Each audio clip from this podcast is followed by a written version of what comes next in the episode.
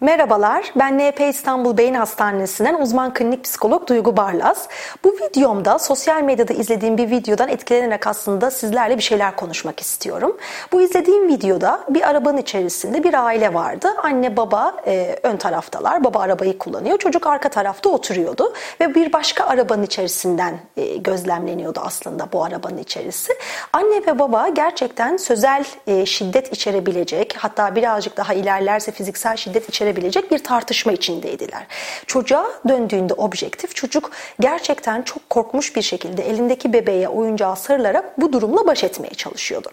Bu videoda yola çıkarak aslında söylemek istediğim bir takım şeyler var. Şiddet ve çocuk e, başlığı altında. E, şimdi anneler ve babalar diğer tüm insanlar gibi öfke duygusu yaşayabilirler. Herkesin öfke duygusu yaşaması çok doğal bir şeydir. Üzüntü gibi, hayal kırıklığı gibi, mutluluk gibi öfke de aslında temel olarak, evrensel olarak insanların yaşadığı bir şeydir.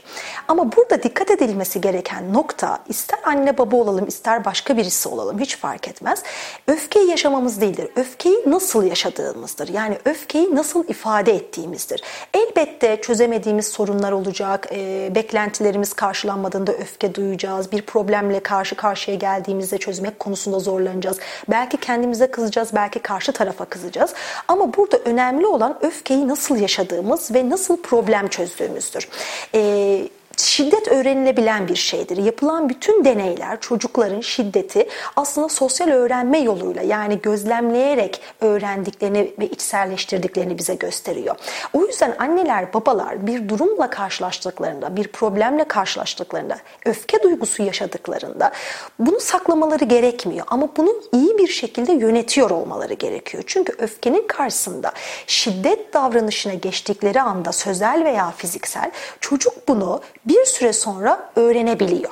Bunu o anda göstermese bile ileriki döneminde arkadaşlarıyla ilişkilerinde, partnerleriyle ilişkilerinde, diğer çevredeki diğer kişilerle olan ilişkilerinde mutlak suretle gösterebiliyor.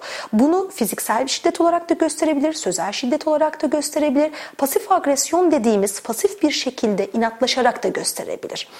Yani kısacası şiddet öğrenilebilen bir şeydir. Öfke doğaldır, normaldir ancak onun nasıl yaşandığı, nasıl yansıtıldığı çocuğun şiddeti öğrenip öğrenmemesini etkileyecek bir şeydir.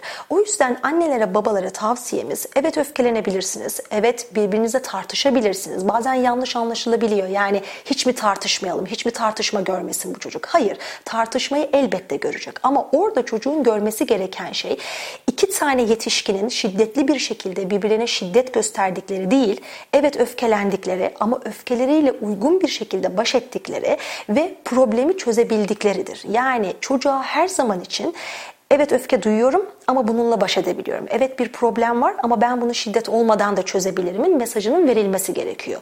Unutmayalım ki çocuklar bakarak, görerek, deneyimleyerek öğrenirler. Ee, çocuktur anlamaz, çocuktur duymaz, önemli değil. O zaten uyurken veya dışarıdayken biz tartışıyoruz, şiddet gösteriyoruz. Hiç fark etmez. Şiddet çünkü varsa eğer bir ailede mutlaka bir yerlerden çocuk görüyor, duyuyor ve öğreniyor. Hatta bazen çocuk bunu hissedebiliyor bile. Yani şiddet dediğimiz şey fiziksel de olmak zorunda değil. Sözel şiddet olabilir. Bir babanın veya bir annenin birbirlerine kötü bir söz söylemesi, aşağılayıcı şekilde konuşması, hakaret etmesi bu da şiddete girer ve çocuk bunu da öğrenir. O yüzden sevgili anneler, babalar öfkelerinizi yaşayabilirsiniz. Öfke yaşamanızda hiçbir problem yok ama bunu şiddet seviyesinde yaşamamaya özen gösterin. Çünkü çocuklar öğreniyorlar.